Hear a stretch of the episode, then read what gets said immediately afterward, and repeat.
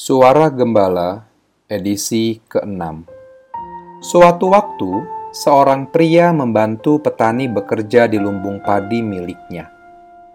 Saat mereka bekerja, jam tangan pria itu terjatuh. Dalam kepanikan, mereka menyalakan lentera, mulai menggaruk tumpukan jerami dan tanah untuk mencari jam tangan pria itu.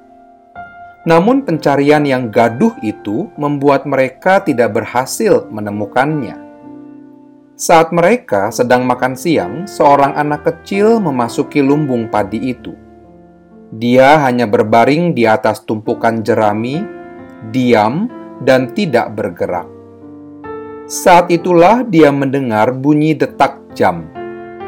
Ia berusaha mengikuti arah bunyi detak jam tersebut tidak lama kemudian, ia berhasil menemukan jam tangan pria itu. Saudara, sering kali saat menghadapi masalah, kita menjadi panik untuk mencari solusi. Padahal hiruk-pikuk dan keributan sering kali tidak membuahkan jalan keluar. Berbeda dengan keheningan dan ketenangan. Setiap kali menghadapi masalah, marilah kita tetap tenang dalam tenang dan hening, kita menjadi lebih mudah untuk mengenali masalah yang sesungguhnya dan menentukan jalan keluar yang lebih tepat. Tidak selamanya keheningan, kesendirian, dan tanpa kegiatan itu adalah sesuatu yang tidak bermakna.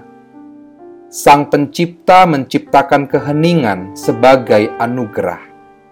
Hayatilah dan rasakanlah, karena bukan tidak mungkin kita akan mendapatkan banyak hal dari keheningan. Tuhan memberkati kita. Amin.